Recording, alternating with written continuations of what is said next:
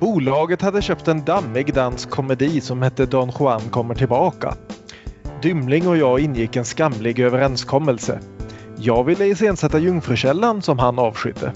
Han ville att jag skulle ta mig an Djävulens öga som jag avskydde. Vi var båda mycket belåtna med vår överenskommelse och ansåg att vi hade lurat varandra. I själva verket hade jag bara lurat mig själv.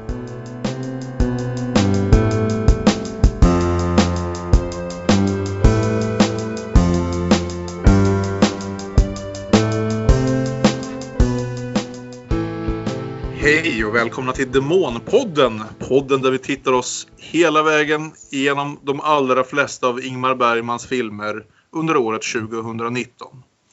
Jag som pratar nu heter Kalle Färm och med mig som alltid har jag Aron Eriksson.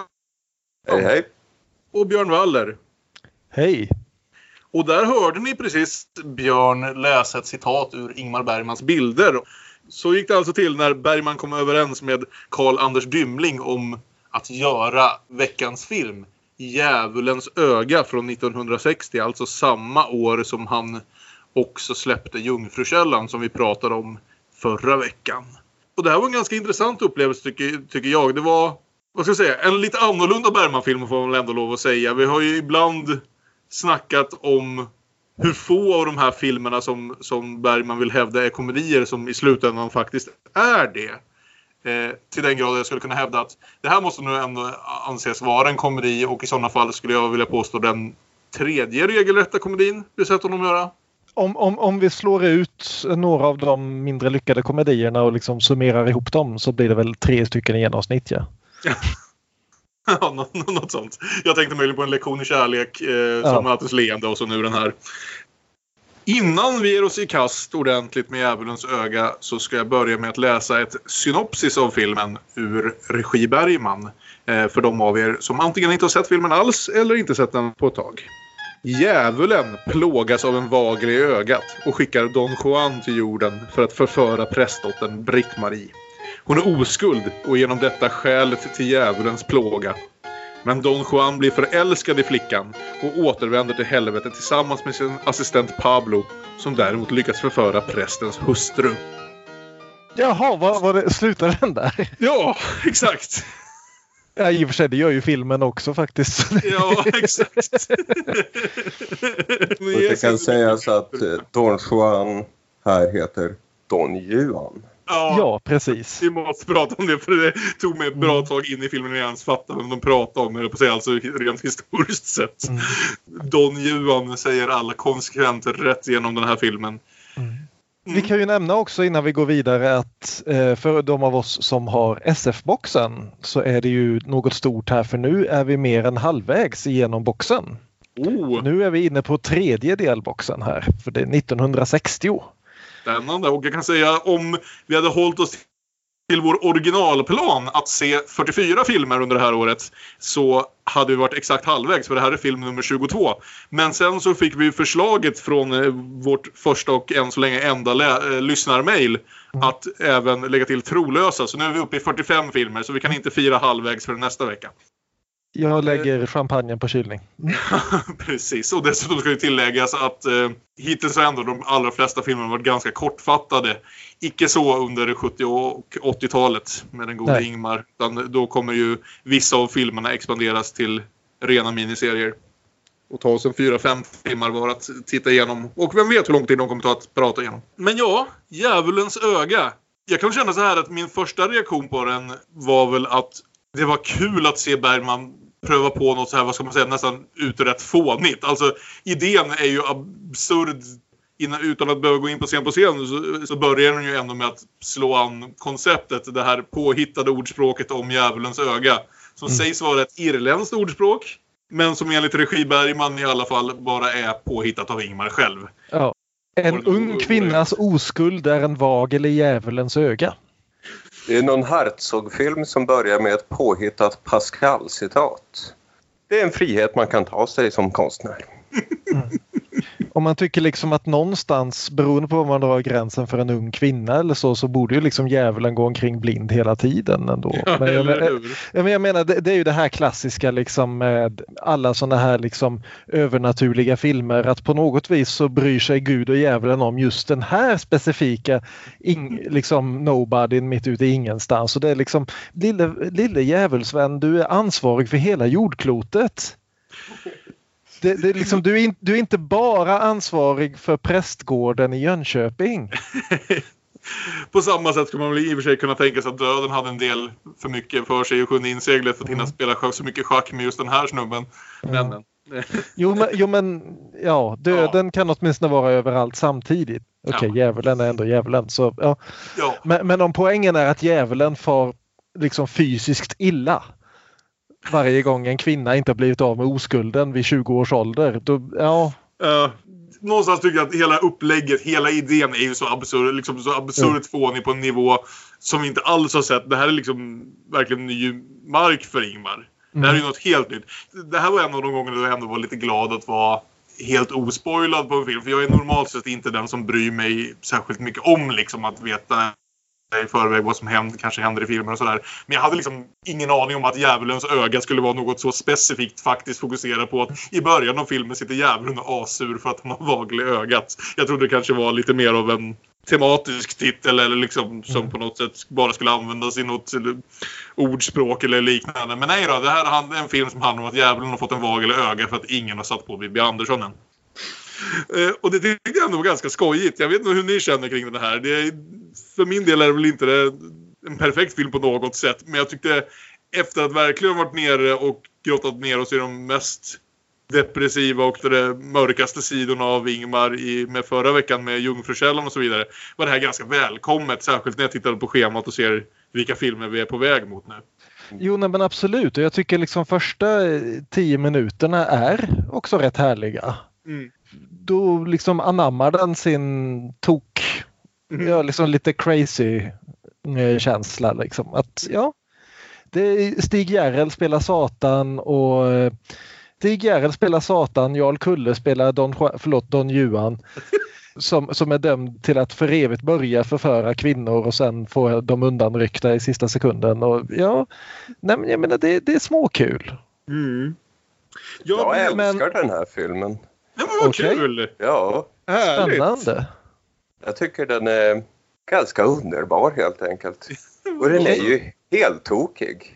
Det tycker inte jag, men det är skönt att någon tycker det. För jag, liksom, som sagt, efter de här första tio minuterna så tycker jag att filmen för det mesta bara går raka vägen ner i diket. Och jag tycker det är lite mi- mittemellan att eh, jag hade kul ganska stora delar av det och sen så någonstans när det var en stund kvar kände jag att de kommer aldrig hinna knyta ihop det här på något sätt som gör det tillfredsställande för mig utan trådarna kommer lämnas oknutna. Jag kände aldrig att det liksom blev en, en solid helhet men eh, jag är nog mer med Aron. Jag hade ganska kul ganska, Mm. under ganska stora bitar av det här. Nej men vad kul, då är vi nästan Mm. på liksom tre olika nivåer den här veckan och det är väl nästan det är väldigt ovanligt för oss. Vad kul att det börjar växa sig fram en osämja oss emellan. Ja, men det är det jag Ja. känner Att det här- se. Projektet som, ja vi har haft så mysigt nu första halvan. Nu kommer vi snart att Ja. framåt Saraband kommer vi knappt att kunna prata med varandra. vi spelar in våra monologer på varsitt håll. Och klipper Ja. ihop dem. Ja, precis som, som vissa rockband. Som, jag är inte i studion när han är i studion. Mm. Ja, Eh. bara jag får min egen privatjet så. Vi kan dock säga att även ingmarbergman.se, vi har ibland klagat tidigare på att Regi Bergman har gett upp lite när det kommer till de här synopsis. Den här gången är det ingmarbergman.se som har gett upp lite grann för det är otroligt kortfattat för vad de. De brukar ju annars hjälpa oss på traven med ganska detaljerade, nästan scen för scen synopsis som hjälper oss hålla reda på vart vi befinner oss någonstans. Icke denna gång. Det här är... Jag hade nästan kunnat läsa de- deras synopsis den här veckan utan att det hade tagit för lång tid. Saker att gå igenom innan vi börjar. Det är Gunnar Fischers sista film som fotograf för Bergman. Okej. Ja, okej. Kommer att Mm. sakna honom. Mm. Jo, ja, Sven Nykvist är ju en Jo, jo. bra Men- plåster men visst kommer vi att sakna. Och Bergman berättade att en del av orsaken att det började bli svårt att jobba med Gunnar var ju han blev så ledsen när Ingmar var på dåligt humör. Och Ingmar kunde ju inte jobba med någon som inte tolererade att han hade sina vansinnesutbrott. Det blev ju ohållbart med någon som blev ledsen av sånt. En person med känslor, det här går inte. Mm. Det är väl det stora personalmässiga som händer här. Mm. Ja, vi har väldigt många skådespelare men Ja. ingen som, som gör sin första eller sista eller bästa. Nej, kanske. det, det som väl var kanske den roligaste var väl att Stig Järrel äntligen återkommer för honom. har vi inte sett sedan film 1 liksom i den här Mm. serien och nu är vi på film 22. Mm. Eh, så som sagt, jag hade nästan ingen koll alls på den här filmen innan jag satte igång den eh, skivan och eh, blev väldigt glad. Nej, in- inte bara insåg att det var en film som faktiskt bokstavligt talat handlade om djävulen utan också vem som spelar djävulen. Men vi börjar i alla fall inte i helvetet först och främst utan först så träffar vi ju vem? Gunnar Björnstrand Han är våran Cicero. ciceron, berättar för oss, leder oss genom handlingen. Och jag tänker lite på Bella Lugosi i Glenn och Glenda över den här karaktären. Viver! Viver the Dragon. Jo, Eat snails and puppy dog tails. Och han får ju en fantastisk öppningsreplik. Mina damer och herrar, jag beklagar. Men vi måste nu helt kort tala om helvetet. För mig blir det lite tydligt mot slutet att Gunnar Beatle är där för att på något sätt liksom bokstavligt talat limma ihop filmen. Ja. Men det gör mig inte så mycket för jag tycker att en, om man ska göra en hoplimning som är lite så här tafflig så är det den bästa möjliga taffliga hoplimning jag kan tänka mig för Gunnar är ju underbar i det Ja. Och, eh, Och han är och också jag- där och roastar filmen samtidigt som filmen pågår. Det är, liksom, det är liksom Mystery Science Theater 3000 av Gunnar Mm. Björnestrand på, på den egna filmen. Ja. Nej, men han är ju en av höjdpunkterna, absolut. Men när han då har fått presentera filmen lite grann så åker vi till helvetet. Detta inverterade pastorat uppbyggt av kristendomens skarpaste hjärnor, som Gunnar förklarade. Ja, jag måste ju också säga att här direkt tänkte jag på det här att normalt sett är det liksom inte en bra sak för en film när någon måste dra ner mer eller mindre en, liksom, en overhead och visa med pekpinne exakt hur någonting är uppbyggt för att Ja. vi ska förstå. Men Gunnar bokstavligt talat tar fram och behöver visa på ett diagram hur helvetet är uppbyggt. För Ja, att du ska vara med precis. på det. Jag, jag gillar ändå den här lilla touchen han gör, Bergman gör då, att han det ser ut som Dantes återgivning av helvetet men han sen går igenom just det här att kristendomen har klistrat på de översta våningarna. Men sen resten går liksom tillbaka till eh, så länge det har funnits syndare överhuvudtaget. Mm. En Snygg, snygg liten touch där. Men som sagt, vi träffar Satan själv spelad av Stig Järrel som Mm. väl i princip bara kommer in och gör Caligula en gång till fast lite mer sympatisk. Ja. Ja. Gunnar Björnstrand berättar fortfarande vad som händer. Djävulen har fått en bagel i ögat. Hur har detta gått till? Det finns två alternativ. Antingen har djävulen suttit i drag, men det är föga troligt i helvetet. Så istället får vi in greven och markisen. Mm. Någon som sitter med de namnen framför sig. Greve Armand de Rochefoucauld och markisen Josep Maria de Macopatse. Tack Gunnar. Och det är då Georg Funkvist och Gunnar Sjöberg. Och jag har inte riktigt koll på vem som är vem. Men den ena är i alla fall han som var den horribla maken och även drömguiden i Smultronstället. Och horribel läkare i nära livet. Just ja. Just det. Och den andra lekte farbror Erland i sommarlek Ja, okej. i, i mars. För länge sedan. och det är ju liksom en cast eh, mest uppbyggd av folk vi har lärt känna vid det här laget. Med undantag, tror jag, för Sture Lagervall som spelar Pablo. Och jag tycker han är en av höjdpunkterna i den här. Jo, Mm. det är han ju absolut. Greven och markisen går igenom, ja, det finns en oskuld på jorden. Hon är ju förlovad och ska gifta sig och går det här igenom, då, då är det fara och färde i helvetet. För hon har ju till och med väninnor så tänk om de som då gissningsvis är i samma ålder börjar ta efter henne. Men då är väl de redan ett problem eller? Det, fart. det, det, det är liksom, ska de återfå oskulden på den vänster eller hur? Ja, ja, Jag antar att det måste vara problemet. umgås som bara med 14-åringar eller? Jag, an, ja, jag antar att alltså det som är problemet är inte att hon är oskuld utan problemet är att hon riskerar att förlora oskulden på ett propert kristet vis. Aha, okej. Går den unga kvinna obefläckad in i sitt äktenskap får det oöverskådliga konsekvenser. Himlen jublar, ärkeänglarna stöter i basuner. Det blir ett herrans oväsen. Förskona mig. Ja, djävulen vill ju ha folk korrumperade. Ja, det är det. precis. Och hon är ju prästdotter får vi lära oss. Och hon ser ut som Bibi Andersson. Det här, det här är godhet på hög nivå. Ja, det känns väl som det. Det måste vara ett extra viktigt Mm. pris för djävulen att, ta, att korrumpera en prästdotter. Mm. Det måste finnas lite mer orsaker bakom varför just Bibi är en sådan vagel i ögat, bokstavligt talat. De kan ju inte ta det för allt för allvarligt. För även om hon gifter sig så kommer ju äktenskapet sen. Och där har vi ju helvetets ständiga triumf. Så, Precis. så de har ändå hopp. Äktenskapet är helvetets fasta punkt. Vår pièce de résistance skulle jag vilja säga. Ni har rätt. Vad vore helvetet utan äktenskapet? Och där känner man igen Bergman lite grann i alla fall. Ja, absolut. Men, men de konstaterar ju att de har i alla fall gott om folk här nere som kan eh, lösa sådana här situationer. Och de räknar upp lite berömda förförare och den första de nämner är Jag vill bara nämna Francesco da Pisa som våldtog och dödade 1800 nunnor. Badum. Är det en komedi eller? Alltså. Ja, den är helvild den här filmen. Men det blir då Don Juan i alla fall. Ja. Jarl Kulle som Mm. som sagt plågas på väldigt särskilt vis här och har samma dröm eller vakna dröm eller vad det nu är i helvetet. Ja, Ja. under Han har varit där i 100 år nu. 300 år. Mm. Men han har nyligen varit i någon slags extra bestraffad position för han har nyligen fått sin sömn tillbaka. Vilket ju är kul för honom. Men han tycker ändå att hans straff är lite långtråkigt. Det kommer in en kvinna som hyser allehanda agg mot honom och han förför henne. Och just som han ska sticka in den så försvinner hon. Och en demon kommer in och säger föreställningen är slut, Don Juan.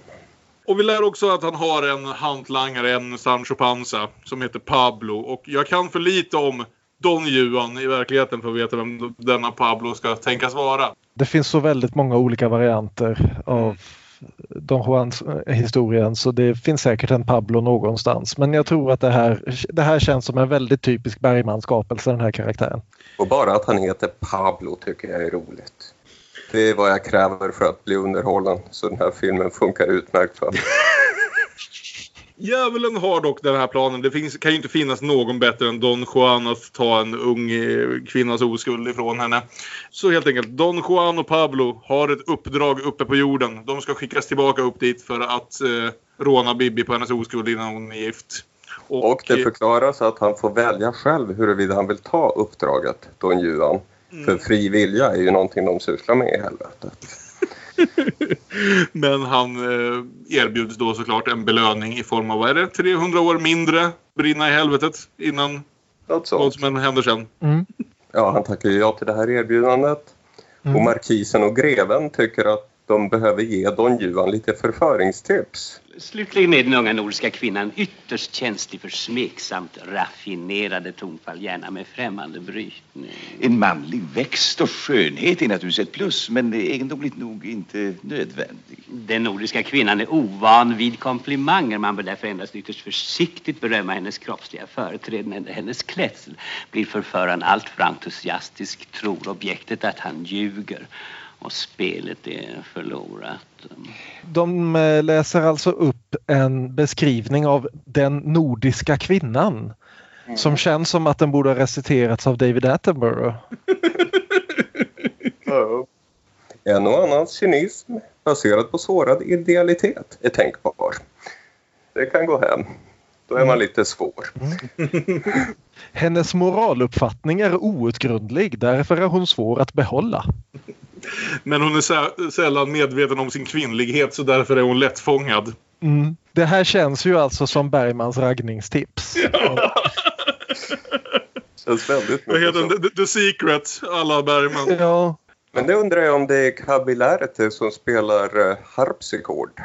Är det inte Det- kvinnohänder som spelar? Jo. Men jag kommer inte ihåg om han fortfarande var gift med henne vid det här laget. Jo, de har just gift. Jo, De- det- de- det-. Det, det är hon som spelar i alla fall. Sen om det är hennes händer på filmen är väl en annan fråga. Men Mm. hon, är- hon är creddad som exekutör.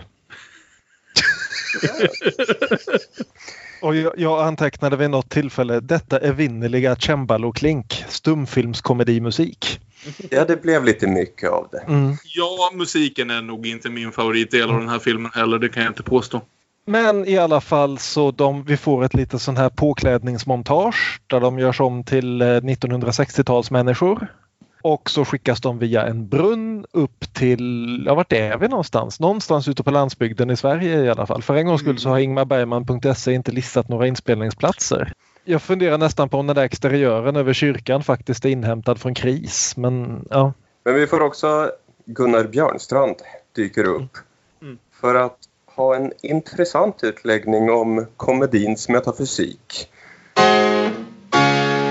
Det lär finnas personer som anser att Gud är död. Kanske har han aldrig funnits. Himlen tom och evigheten utom räckhåll. De menar också att ondskan är lika iskallt funktionell som de övriga naturlagarna och att godheten är en av mänsklighetens mest oförklarliga perversioner. En sån uppfattning är otvivelaktigt ett utomordentligt fundament för en tragedi. Men i afton spelar vi komedi. Då måste världen te sig annorlunda. Så därför måste vi ha himmel och helvete och jorden i mitten. Det är ju lite kul här, för vi är ju verkligen inne, mitt inne i Bergmans mest religiösa fas som liksom tog sin ordentliga avstamp med det sjunde inseglet. Och vi kommer ju efter det här att gå in i tre filmer på raken som verkligen fokuserar på det här grubblerierna och de religiösa liksom, trångmålen. Så det är lite kul att han här liksom tar en liten avstickare och bestämmer sig att fortfarande vilja diskutera det här men göra ett helt annat tonfall. Ja. Och det är som också, man undrar hur allvarligt det här ska tas för det är ju helt galet det han säger. Mm. Varför skulle all komedi vara gudomlig komedi undrar man. Och man tänker på komedin genom historien i filosofi och teologi och hela Rosens namn, dramat och Mm. kristendomen och humor. Kristendomen här är fundamentet för komedi är bewildering. alldeles så, som du säger det så möter vi kyrkoherden. Mm. Som är spelad av Nils Poppe. Som den här Ja. gången är Bibi Anderssons pappa och in, Ja. inte hennes man som i Det sjunde inseglet. Precis. Och han är ju en av filmens absoluta höjdpunkter tycker jag. Definitivt. Ingen frågar någonsin vad de heter eller någonting när de Nej. dyker upp här, eh, Do- Don Juan och Pablo.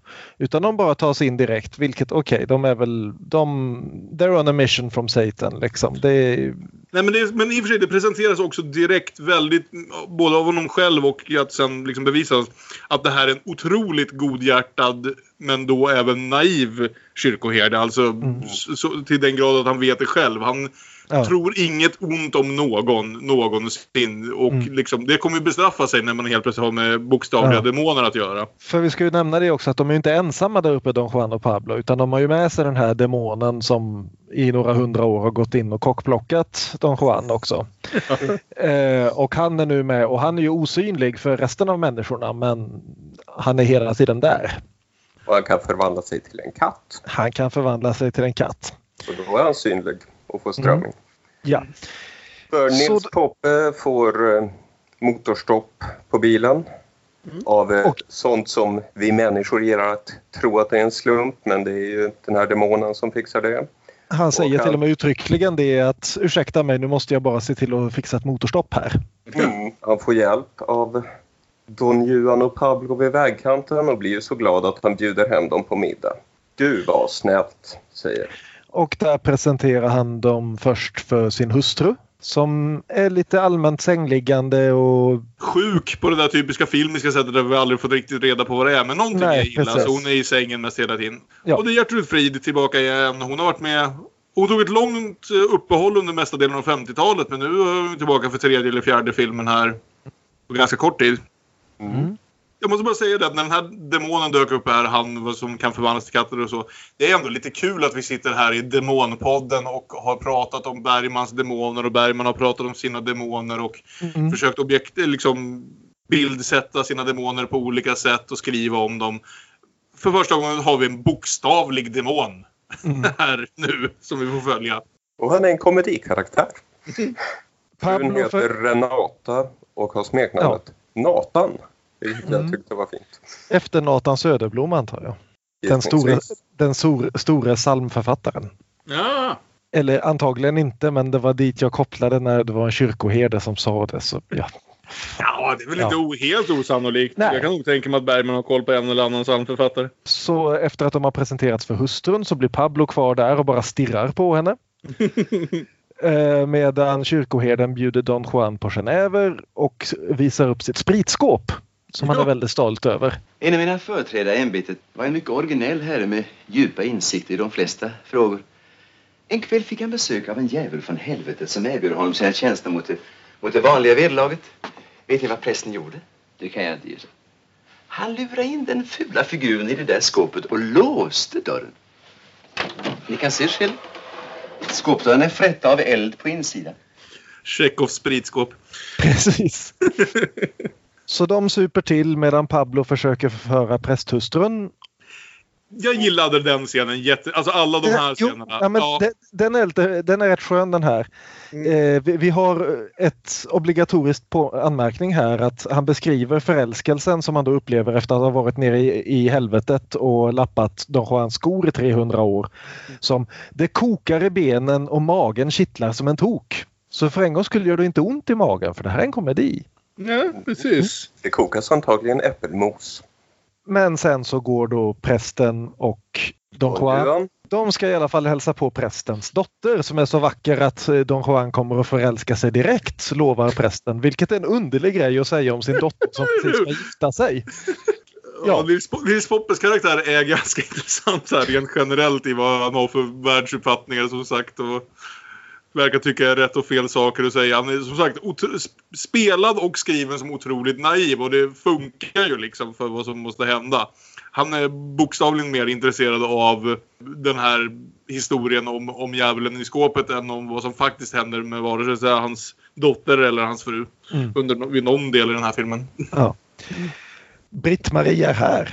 Eh, Hon håller på att renovera huset helt ensam eftersom hennes fästman inte är på plats. Hon går igenom hela filmen omkring i byxor och nedfläckad skjorta och ja, trevlig look för Bibi Andersson måste jag säga.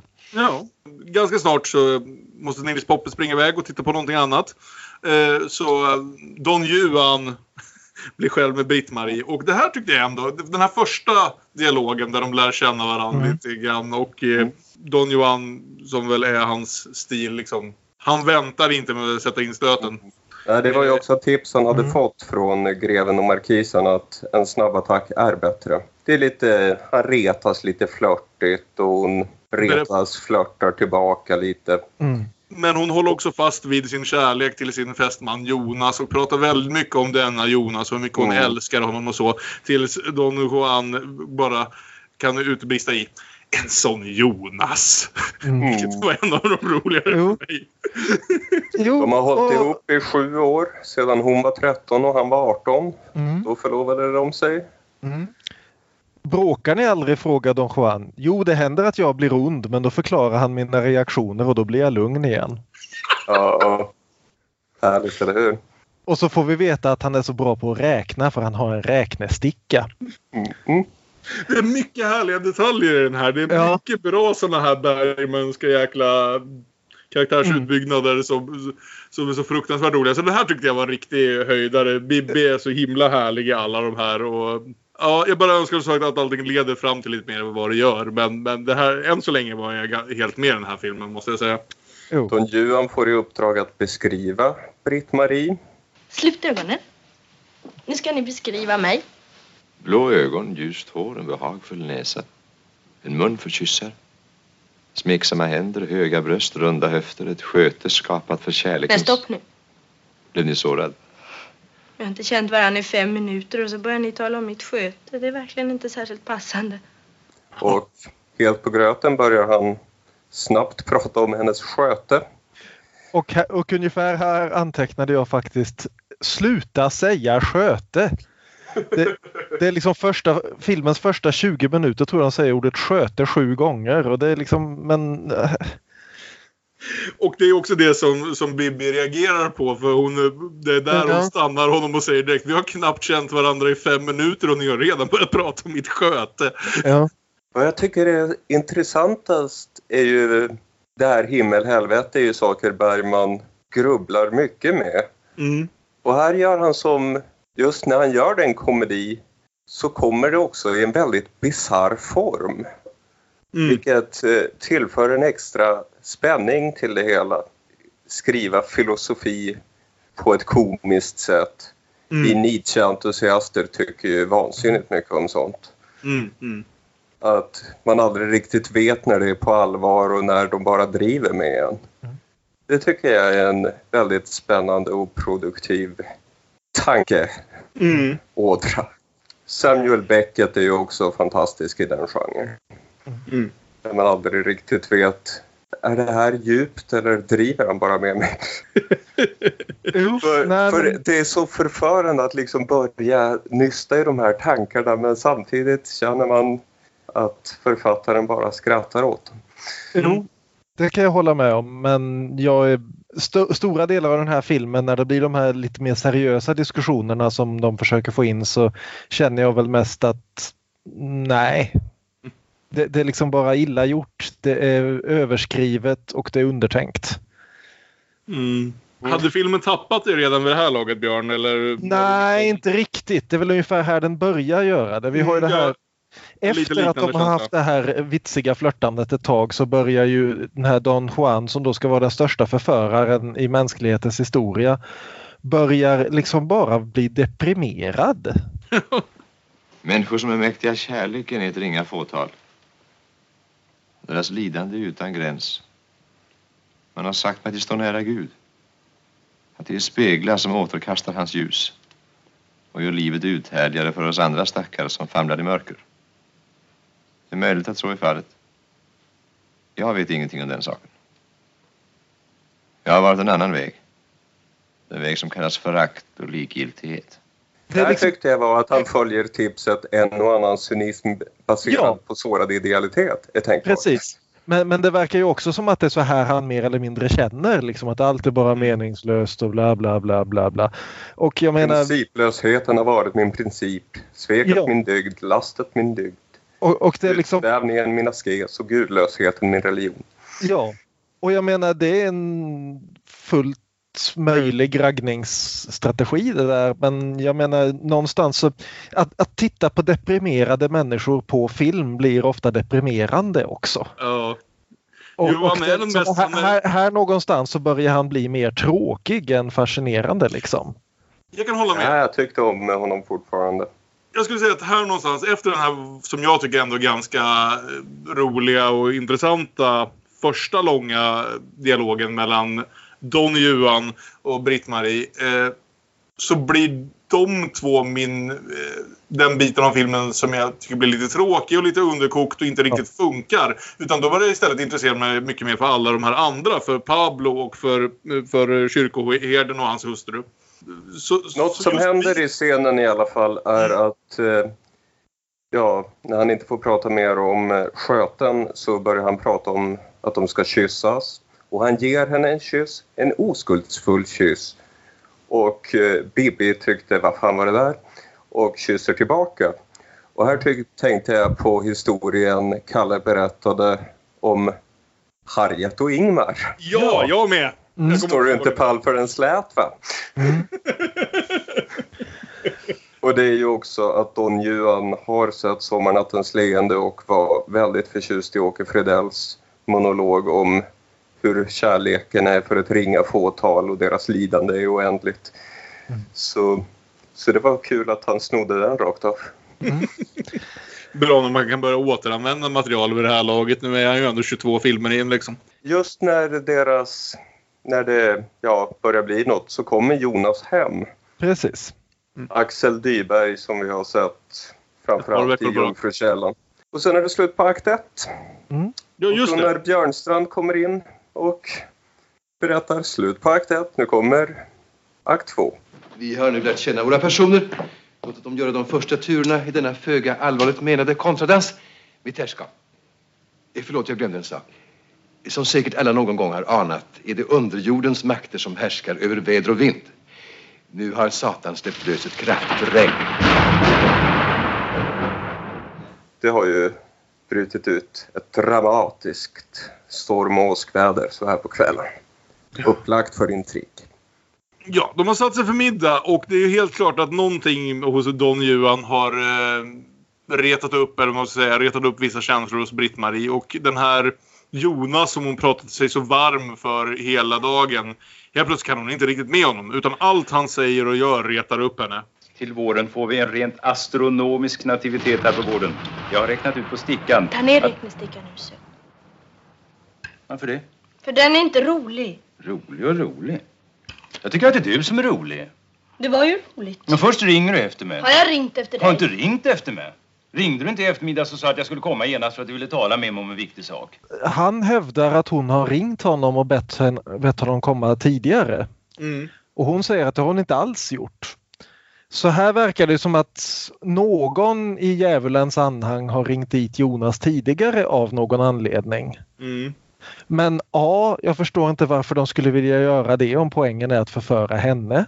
Och B. Om de nu faktiskt har gjort det, varför har vi inte faktiskt fått det omnämnt eller antytt på något vis? Utan det här är liksom bara en grej som dyker upp från ingenstans och försvinner ingenstans därför att hela poängen med det är att eh, hon och Jonas ska bråka och Jonas ska försvinna igen och inte komma tillbaka förrän alldeles i slutscenen. Men det är väl också en utmärkt strategi att föra henne i armarna hos jag tänkte säga, att om strategin är att göra henne förbannad på sin faktiska trolovade, så förbannad att eh, Don Juan helt plötsligt ser lite lockande ut trots att han är så jävla deppig. Jo, men hur, hur hade de kunnat ta för givet att när han kommer hem lite tidigare så skulle hon, hennes reaktion bli Varför i helvete kommer du lite tidigare man som jag ska gifta mig med om två dagar? Det är liksom- ja, den här demonen går ju runt och viskar lite i örat på dem också, så som demoner gör. Ger dem elakheter att säga. Så kanske var han där redan när de grälade i början. För Jonas blir ju kortvarig. Han eh, stormar ut i stormen ganska omgående Mm. efter några elakheter utbytta. Tänk att nu blir jag riktigt arg! Du ouppfostrad och drullig. Oförskämd och otrevlig och arrogant. Oförskämd och ouppfostrad. Du har inte lite vanligt hyfs. Du är riktigt ouppfostrad. Du är... Säg det bara. Jag kan inte hitta på något. Bortskämd och egoistisk. Nåja, förnedra det inte. Du är bortskämd och egoistisk. Och när hon, eh, vet det, Bibi, Britt-Marie, kommer tillbaka in eh, till middagen och är upprörd efter att ha bråkat med Jonas så sitter Don Juan och berättar att han är en författare som skriver livshistorien om Don Juan. Inklusive historien om hur han till slut blev dömd ner till helvetet. Och då får vi en tillbakablick till detta och det är, här är vi tillbaka lite i det sjunde inseglet. Att Don Juan har inte dött på något nat- naturligt sätt och liksom sedan dömts ner till eh, helvetet. Utan någon kom upp från helvetet och drog ner honom bokstavligt talat. Drag me to hell eh, style. Stampade ner honom. Mm. En staty besökte honom och sa åt honom att han var en värdelös liten typ. Och sen stampa ner honom i helvetet. Det är lite intressant som sagt. Eh, men det intresserar ju, vad heter det, Nils Poppe något oerhört. Allt det här om demoner som sagt är väldigt intressanta historier för en gudsman. Han är inte lika krävande på svaren nu eh, när det verkar som att denna mystiska man vet en del om demoner och helvetet. Han är inte lika krävande som till exempel Max von Sydow i det sjunde inseglet. Men nyfiken är han definitivt. Han är ju lite godtrogen. Jag vill ha vetskap. Ja, det var en staty som sparkade ner mig. Äh. Ja, nej, hela den här grejen med det hör ju ihop med Don Juan-legenden, den här stengästen. Okej. Ja, hur? Det, nu var det åratal sedan jag läste det här men det är typ, jag tror det, Don Juan mördar någon och han, hans eh, gravvård, alltså de reser upp en marmorstaty av den här mördade personen över hans grav och den statyn följer sen efter Don Juan på den vänster. Men jag, jag vet inte riktigt vad det har i den här filmen att göra utöver att liksom, kommer ni ihåg Don Juan-legenden? Här är en favoritscen ur den och det är liksom, jaha, ja. Jag tycker Ja. det var en fantastisk scen. Sån inlevelse. Jag tror det är precis det här som är punkten när, eh, vad heter det, Bibi och Jarl Kulle-bitarna tappar mig. Och nu är Den försvinner ju de lite här ett tag. De gör det och, de, och, och liksom, när de väl kommer tillbaka så är de inte så intressanta för mig längre. Men ett ord som Don Juan planterar i den här historien som kommer att bli viktigt är det här var Don Juans enda upplevelse. upplevelse är någonting vi ska prata mycket om. Någonting som verkligen rör vid hjärtat. Ja, frun undrar om hon någonsin haft en enda upplevelse Bibi undrar väl också lite tyst för sig själv. Mm. Medans Nils, idioten människosjälen Poppe, säger att jag har upplevelser hela tiden. De är kul och lär i det här. Förstår inte alls vad vi pratar om. Nej. För att sen understryka vilken trevlig men kanske naiv människa han är så när han går och lägger sig så handlar hans aftonbön till Gud om att eh, han ska få bli seende, att han ska börja förstå människor bättre. Och det är ju liksom, det är inte varje dag man hör en Bergman-präst säga sådana saker.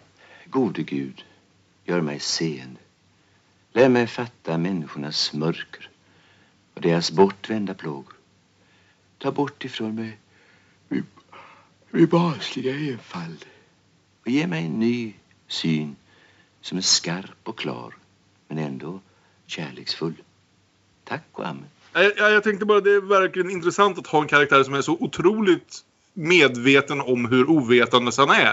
Ja. Att liksom sätta sig rätt upp och säga jag förstår inte det här och jag vill förstå det. Vilket liksom Mm. inte är hur man brukar tänka på naivitet eller liksom godtrogenhet heller. Han vet att det är något han inte förstår. Han förstår det bara inte. Eh, och jag, jag gillar hela den. Jag, jag tycker det är jätteintressant och det är väldigt välspelat av Poppe just som... För det tillåter honom att vara den här liksom glada clownen mitt emellan alla de här allt dystrare människorna runt om honom. Hans hustru har varit det länge. Don Juan blir deppigare allt eftersom han inser att, att det är ett svårt uppdrag det här. Poppe tappar inte liksom sin godmodighet över det här ens. Ja, som till exempel nu i den här scenen. Mm.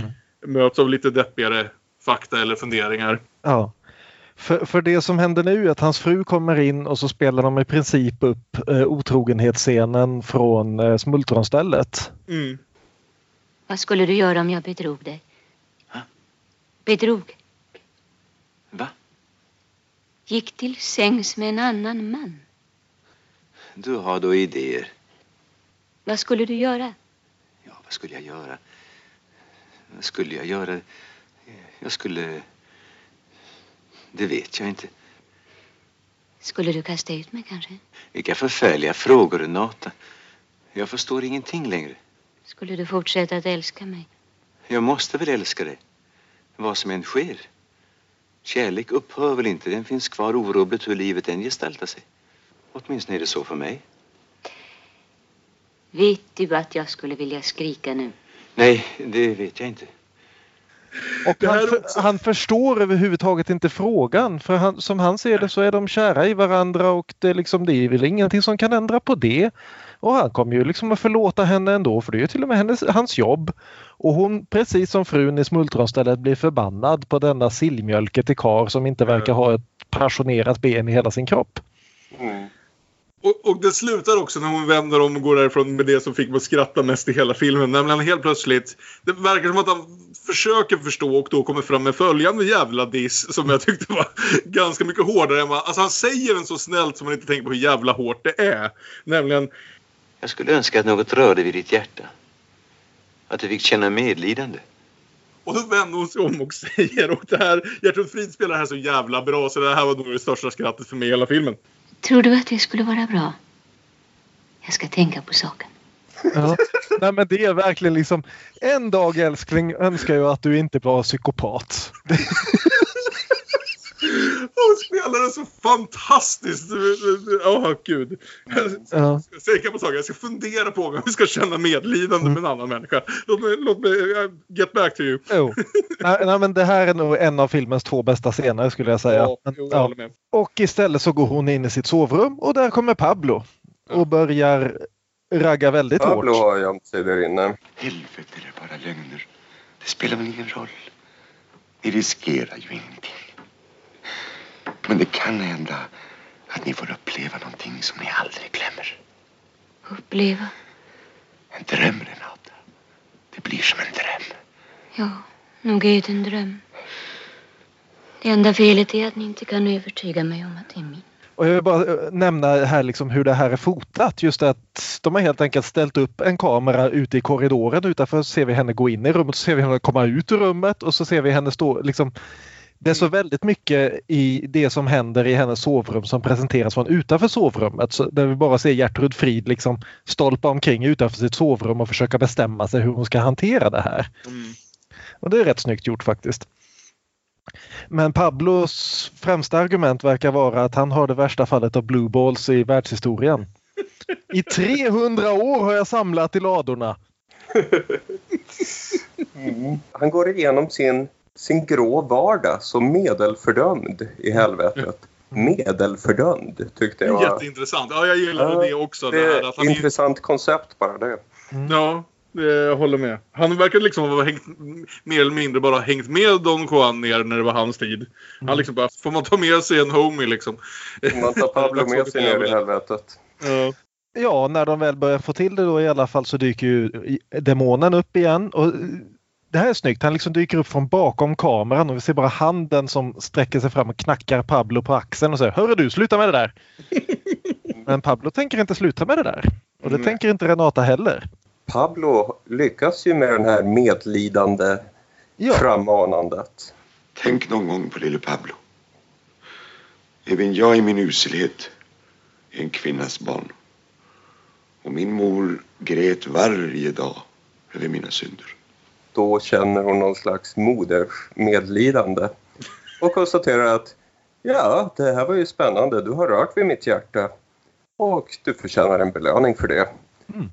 Och så ligger de med varann efter att ha lurat bort demonen.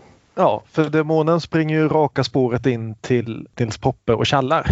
Ja. Han vet inte att golare får ringa polare. Ja, en demon. En liten djävul från helvetet om det är lättare att begripa. Så ytterst intressant.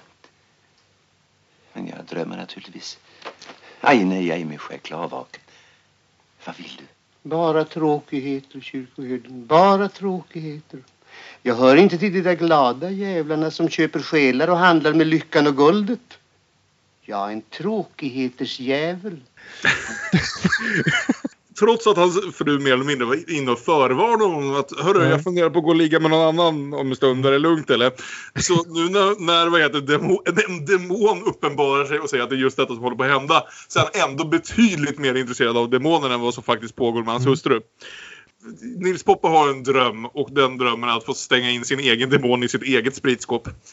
Ja, och det är precis vad han gör. För han säger åt demonen att innan vi gör det här så måste vi ha oss en sup. Demonen eh, har ju med sig nyckeln till Renatas rum så att Nils Poppe nu ska citat Skåda bedrägeriet i sin stinkande blomning. Du med dina upplevelser. Här ska du få en upplevelse som sätter sig på tvären i din hals. Och får ett kipp efter andan. Jag tror vi måste ha oss en sup först.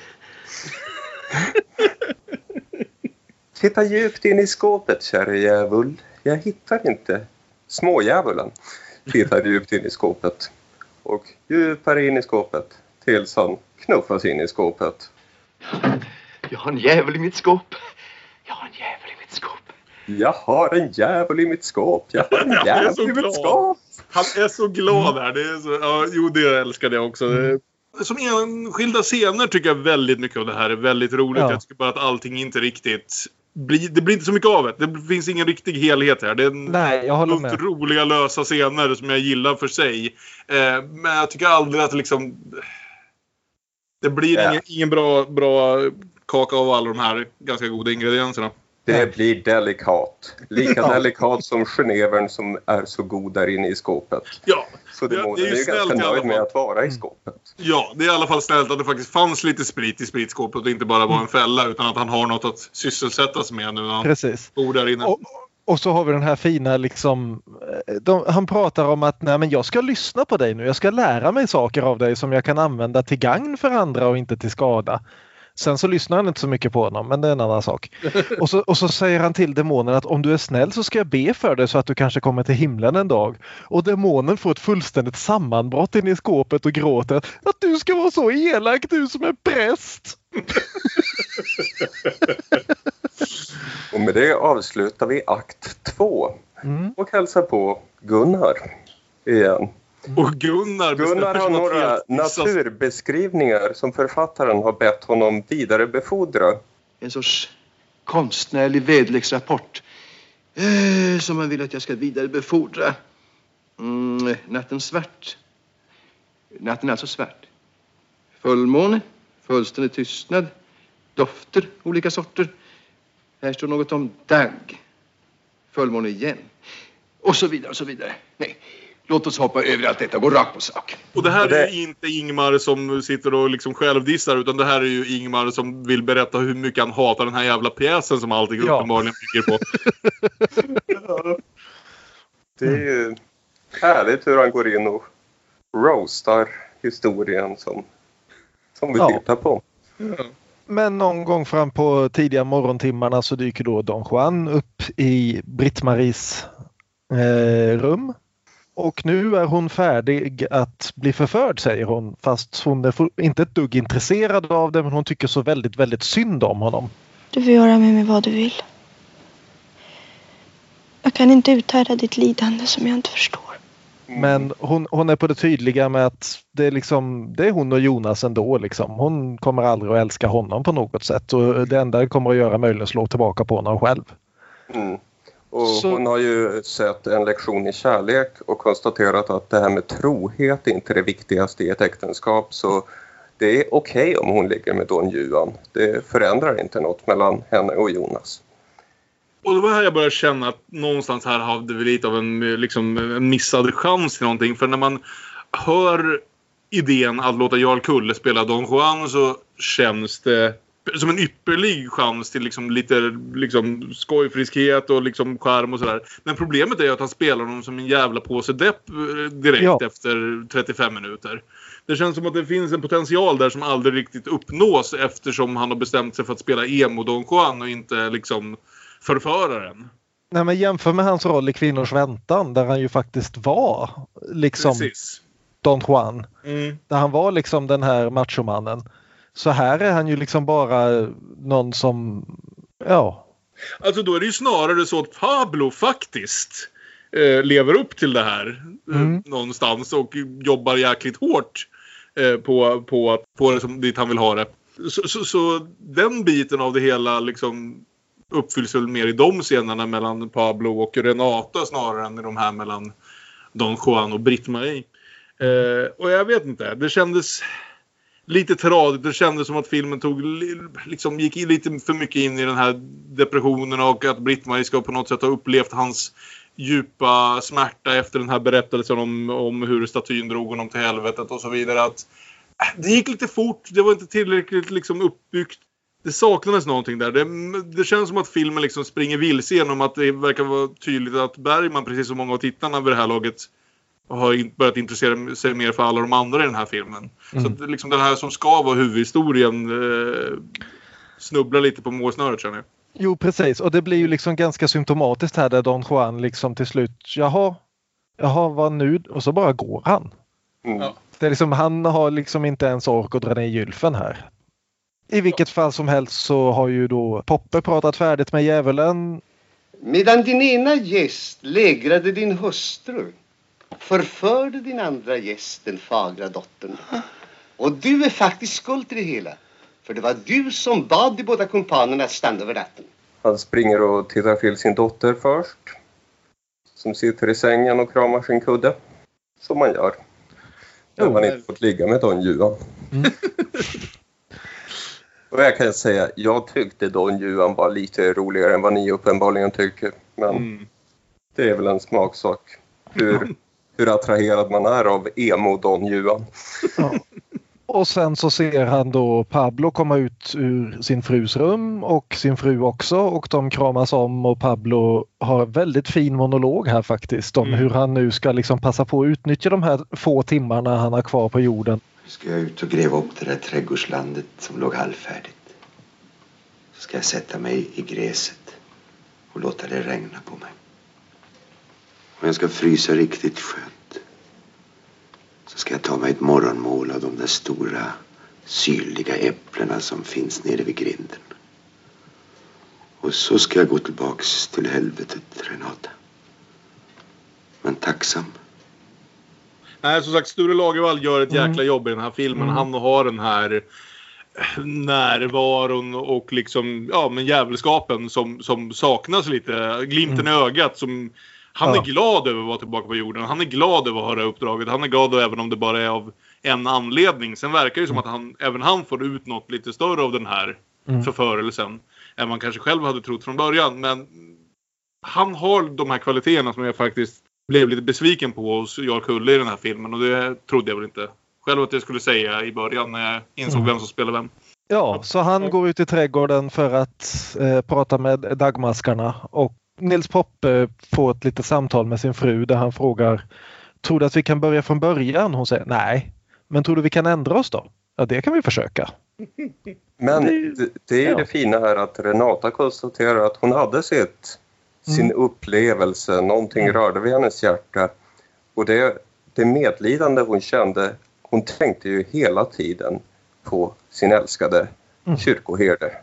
Så, så det var en väldigt bra sak för deras äktenskap. Att, Det är också återkommande Bergman att ibland är lite otrohet det bästa som kan hända i ett äktenskap. mm, Det, det, så är det. jag vet inte om det är så det är, men så är det i Bergman. Ja. Så är det i Bergman.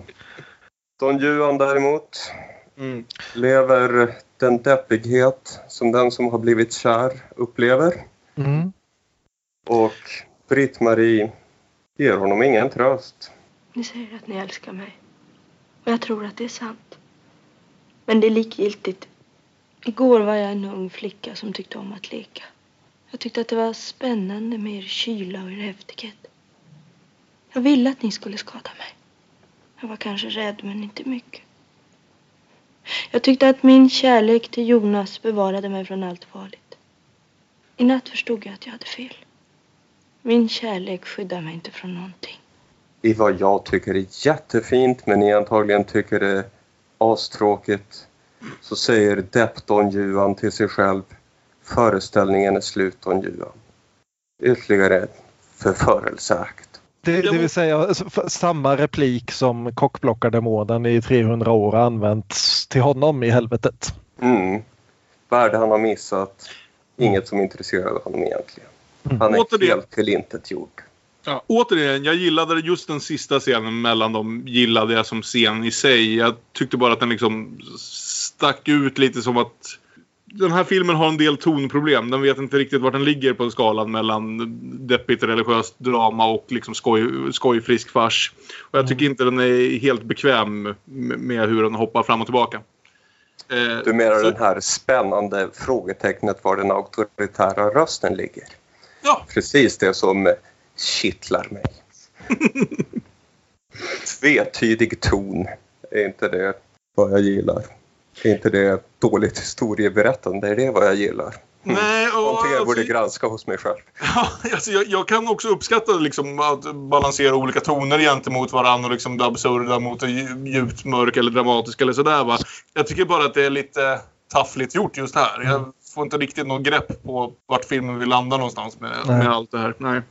För att det är så bra tvetydighet att det inte går att få grepp på. Nej, så, så vi klipper tillbaka till helvetet i alla fall där Satan fortfarande har en vagel i ögat och är allmänt förbannad för han har ju misslyckats på precis alla plan här. Vår ondska har stått sig slätt mot himlens iskallt kalkylerande godhet. Jag är trött och uttråkad. Jag ämnar dra mig tillbaka. Sen får himlen klara sig utan helvete. Så får han där uppe se hur lätt det blir. Här lockar oss en ung kvinnas oskuld att sända vårt bästa vapen. Och vad sker? Jo, den känslolöse återvänder drabbad av besinningslös kärlek. Tablå, mina herrar. Tablå! Det är kul vilken ärlig och självgranskande djävul det är som bokstavligt talat erkänner ganska fort. Ja men det var ju mitt fel, förlåt grabbar. det är liksom det, det är en småkul scen här där han rabblar upp alla sätt på vilket det här gick fel. Det är typ två minuter så sitter han och summerar hela filmen. Vilket är klumpigt skrivet men ändå rätt kul. För det är liksom oskulden förblev oskuld, Don Juan blev olyckligt kär, kyrkoherden skärpte sig, hans fru fick lite självinsikt och de räddade sitt äktenskap. Hans bästa demon blev inlåst i ett skåp och Pablo fick till det. Det, är liksom, det, var, det var inte Sefra rätt där. Nej, nu skiter jag i det här. Se hur Gud klarar sig utan ett helvete. Ja. Det, liksom, om man tyckte det var otroligt att han skulle hänga upp sin fysiska hälsa på en oskuld prästdotter. Mm. Så liksom att han skulle lägga ner hela verksamheten baserat på det känns ju som att han tar det här på väldigt stort allvar. Det finns en backstory här som vi inte får. Nej. Det, det är, liksom, är, är det deras barn som ska bli antikrist eller vad då? Det, ja. Han talar i affekt. Lite kul att prata om en särskilt dålig dag i helvetet men ändå. Någonstans här dyker Allan Edwall upp ur ett skåp för, för att liksom köra löpande kommentarspår på deras bröllopsnatt. Jag har en säng som... som och, och, och fraset av kläder som... som nej, men det kan ju vara en hörselvilla, ers nåd. Och nu har jag henne. Andas ganska häftigt, ungefär så här. Vad hör du? Hon flämtar. Nu är det tyst. Det är den här Youtube-videon där Gilbert Gottfried högläser eh, 50 shades of Grey. Exakt så. But when he hits my clitoris, I cry out loudly. Oh, please, I groan. Quiet, he orders, not taking his eyes off mine. He scrunches my panties in his hand, holds them up to his nose, and inhales deeply. Och om man, om man verkligen har liksom tillbringat åratal med att få veta hur Allan Edwall låter när han har sex så får man nog en bra liksom, aning här i alla fall. Men han avslöjar i alla fall att på slutet där så säger då Britt-Marie att kyss mig inte så hårt, jag har ett sår på läppen. Mm. Jaha, var fick du det ifrån? Då har du kysst någon annan? Oh nej, det har jag absolut inte gjort. Så hon ljög för sin make och därmed så är ändå helvetet räddat. Och djävulen blir så glad. Han blir så glad. Det, ja. Återigen ser vi att äktenskapet är helvetets bästa institution. Mm. Utan det hade vi varit i Ja. trångmål. Eh, De varit i trångmål. Vi ska väl inte identifiera oss med helvetet. Även om vi är demonpodden. Det är intressant att djävulen själv verkar förvirra sina regler och tro att hans vagel ska försvinna när hennes oskuld är borta även om det sker på liksom propert vis under bröllopsnatten efter giftermål. Sån koll på reglerna borde han ha haft annars skulle det här ha skött sig själv. Liksom. Nej, men alltså han märker ju inte att vagen har försvunnit förrän efter. Precis, men det är det jag menar. Men han verkar förvånad över att den inte har försvunnit. Min vagel Han kommenterar att varför är den där? Så han verkar ha lite dålig koll på spelreglerna själv djävulen. Det- Han är ju väldigt upprörd i den här scenen så Mm. han tänker inte så klart. Ni som har klagat på Don Juans deppighet Just måste ja. väl ändå uppskatta att han får sitt försvarstal. Ja. Om det kan glädja er så lider jag. Men jag faller inte omkull och jag beklagar mig inte. Jag finner er löjlig med era straff. Ni, herr Satan, och han där uppe. Och jag föraktar er. Aldrig i evighet ska Don Juan böja sig. Ni måste belasta honom med än värre fasor än de som nu sliter hans inälvor. Jag förblir Don Juan. Guds och djävulens föraktare. Där han äntligen står upp för sig själv. Så vad var det som gick fel? Det var helt enkelt för att han inte fick vara sig själv. Han tänkte bara inte vara djävulens hantlangare. Så han förblir Don Juan, Guds och djävulens föraktare. Jag önskar er all framgång i ert futtiga hantering. Så går han där, ryggen rak. Ja. Hur ska Och- vi straffa honom? Låt honom drömma om kärleken på jorden. Mm. inte det allt för grymt, o Satan? Inga straff är hårda nog för den som älskar. Så är det med det. Sure. Ja. Och Och så- Gunnar Björnstrand kommer för att förklara att Himlen har vunnit en lysande Victoria. Ingen tvekan om den saken. Men även helvetet tillskriver sig en seger. Och som vår komedis författare uttrycker saken en knappnålsliten seger i helvetet kan ofta vara betydligt mer ödesdiger än en stor framgång i himlen. Men för att den ärade publiken ska glömma bort så obehagliga och kanske rent av eh, tvivelaktiga sanningar har vi arrangerat en slutscen föreställande stor och äkta kärlek i sin rikaste blomning. Men för att vi ska glömma detta så kommer vi nu att lägga till en påklistrad epilog där vi får ett överdrivet, helt lyckligt slut. Falskt och illa. Hoppas ni uppskattade vår komedi, mina damer och herrar. Och så ser vi Britt-Marie och Jonas så lyckliga.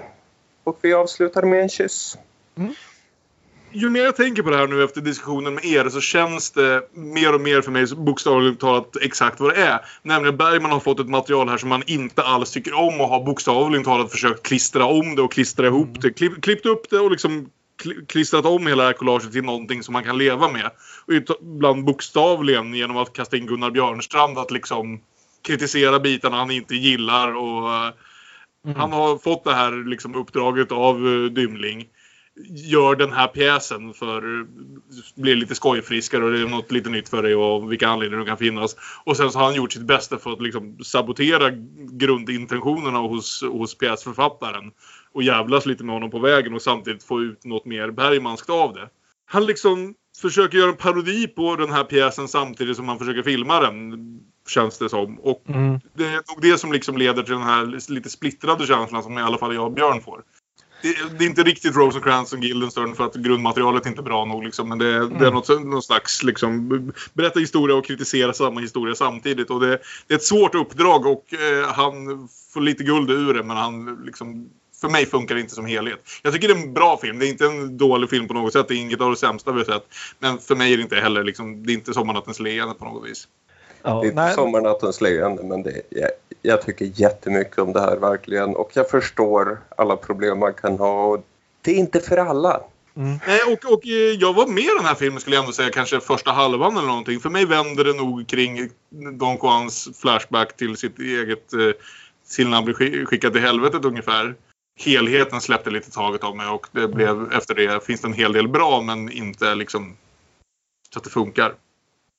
Det, det är liksom Bergman har, han är fullkomligt ointresserad av grundhistorien. Han försöker liksom klistra in sina egna tankar om samliv och kärlek på den här historien. Varje gång han kommer fram till det så bara tappar den fart. Det, det blir liksom li- mycket intressantare när han liksom bara får vara Bergman och ställa upp sina favoritskådisar och ge dem lite rappa repliker och liksom då funkar filmen. Mm. Men den hänger inte ihop och framförallt liksom det känns som att alla de här dialogerna som eh, och, återigen, den enklaste jämförelsen är just Sommarnattens leende. Mm.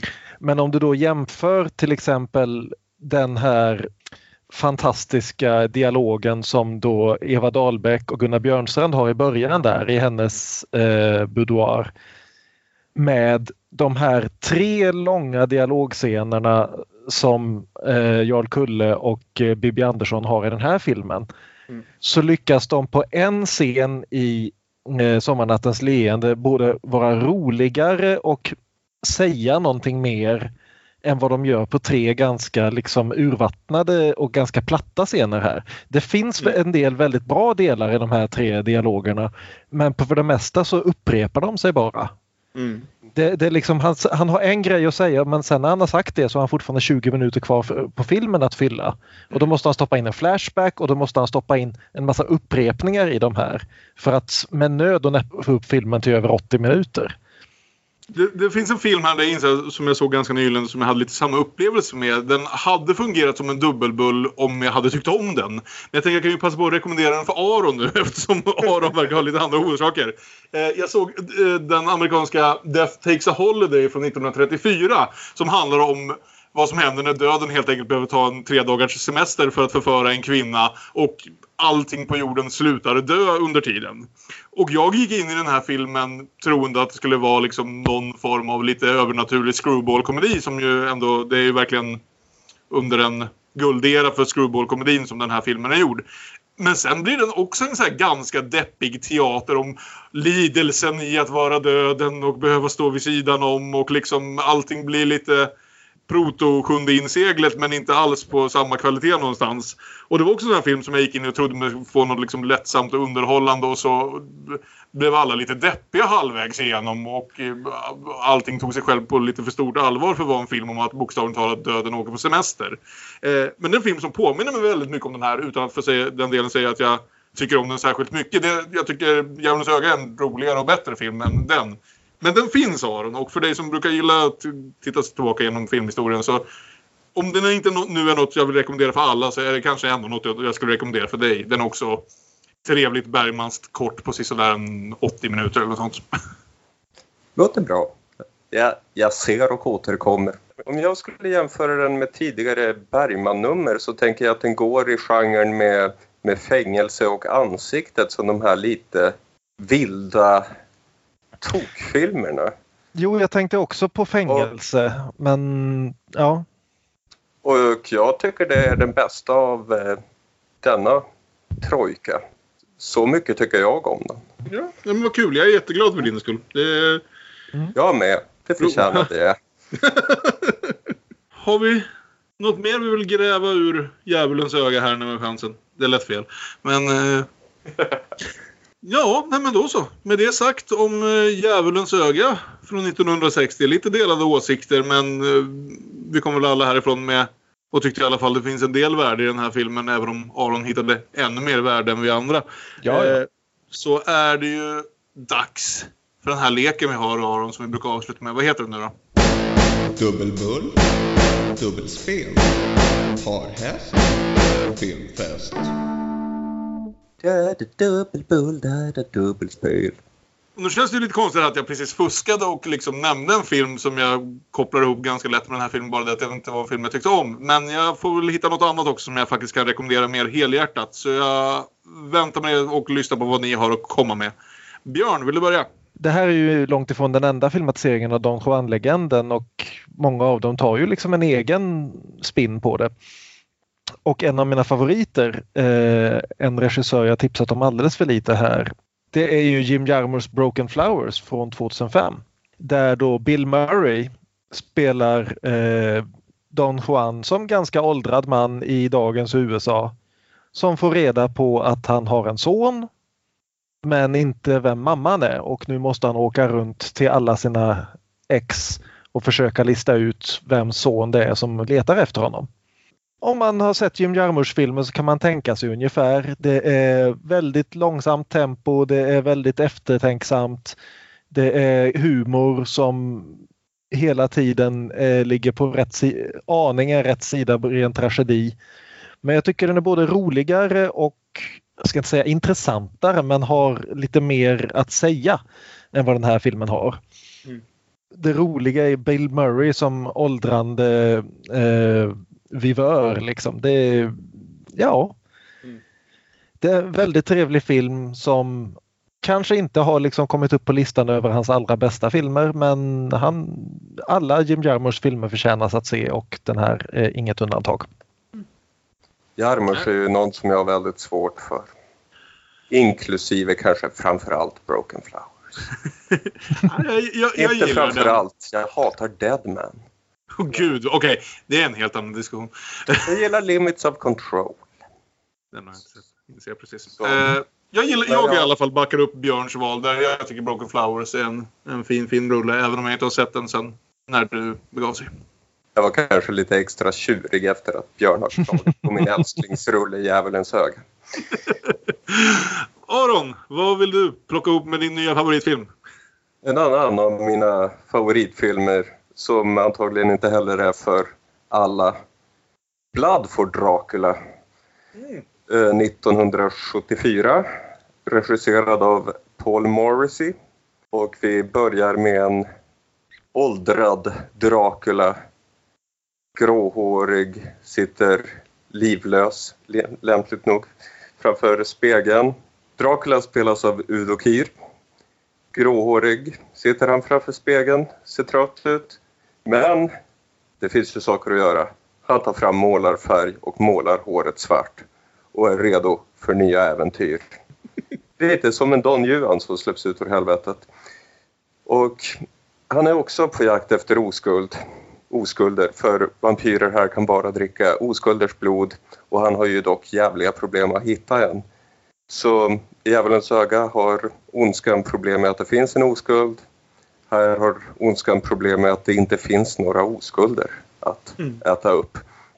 Och det är en ganska vacker och blodig historia producerad av Andy Warhol och ett ganska ja, illa dolt nidporträtt av Andy.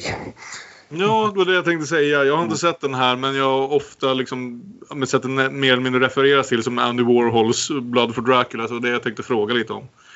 Jo, han var, står ju som producent men hade ju ingenting med själva det kreativa att göra. Okej. Den har länge legat, legat på den här evigt expanderande, den måste jag se någon gång, listan. Ja, mitt faktiska rekommendation för den här veckan då. Eh, jag gillade verkligen Stig Gerrel som djävulen som sagt, eller som Satan. För att som sagt, jag visste inte ens att det här var en film som skulle ha en faktisk personifiering av Satan. Och så blev jag extra glad när jag såg att det var allas vår Caligula.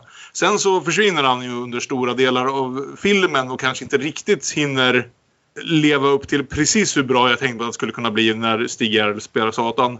Eh, men det fick mig i alla fall att börja tänka på vilka filmer i filmhistorien som har mina faktiska favoritpersonifieringar av Hinhåle. Och då landade jag vid att i alla fall en av dem är The Devil and Daniel Webster från 1941 där Walter Houston, Johns pappa och Angelicas farfar och så vidare eh, annars förmodligen mest känd som gamgubben i Sierra Madre Skatt spelar Mr Scratch, den illa dolda djävulen som eh, lovar framgång till en stackars bonde eh, under 1800-talet, i 1800-talets USA såklart i utbyte mot hans själ. Och eh, denna stackars bonde sen då inser sitt misstag så som man brukar göra i sådana här filmer och det hela slutar som ett rättegångsdrama där han får kalla in det, vad heter det, samtidens bästa politiker och politiker som talar för den vanliga mannen och så vidare. Nämligen denna Daniel Webster. Och eh, Daniel Webster får helt enkelt försvara bondens själ gentemot djävulen Walter Houston. Och det är inte världens bästa film sådär men jag tycker den är grymt underhållande och framförallt att se Walter Houston som djävulen. Det var framförallt den versionen av djävulen som jag tänkte på när jag stod Stig så här. Det är en rolig liten jäkel. Nästan lite mer så här. Man tänker på honom som någon irländsk nom. Eh, eller något liknande. Han hoppar omkring med en pipa i käften och en konstig liten hatt och ett pipskägg. Eh, och så. Och eh, just den rollprestationen älskar jag verkligen i en film som även i övrigt är är helt okej. Riktigt trevlig att se om man gillar såna här gamla 40-tals halvdramer. Eh, så The Devil and Daniel Webster från 1941, det är mitt val den här veckan. Mm. Aron, har du känt dig lite extra inspirerad att skapa musik den här veckan, må tro? Det må du tro. Välkommen tillbaka nästa vecka när vi pratar om Så som i en spegel. Den första delen i det som brukar benämnas Bergmans trilogi om Guds tystnad. Där han ju verkligen tar tag i en av de, vad ska vi säga, allra främsta frågorna som brukar återkomma rätt igenom hans många filmer. Som alltid kan ni nå oss via sociala medier. Vi är at Damonpodden på Twitter och på Instagram. Vi är Damonpodden med Ä på Facebook. Man kan mejla oss om man vill. Det vore ju spännande om de ville göra det igen. På damonpodden gmail.com. Och vi hoppas att ni har tyckt det här var ett intressant avsnitt. Det var absolut en intressant film att diskutera, särskilt utifrån just det faktum att vi alla hade lite olika vinklar och åsikter om den. Och så avslutar vi som alltid med en fin, fin låt från Aron och hoppas att vi hörs igen nästa vecka. Ha det så bra! Hej då! Hej då!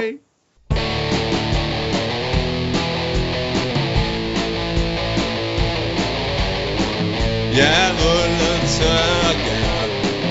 Vi spelar komedi det är en bagel i Djävulens öga Don Juan föreställningen är slut Hey, there is a style in the devil's eye Djävulens öga Vi spelar komedi. Det är en bagel i Djävulens öga Talar om helvetet Inverterat pastorat. Här kan det bli rätt hett. Kolla din termostat. Don Juan föreställningen är slut. Don Juan föreställningen är slut. Don Juan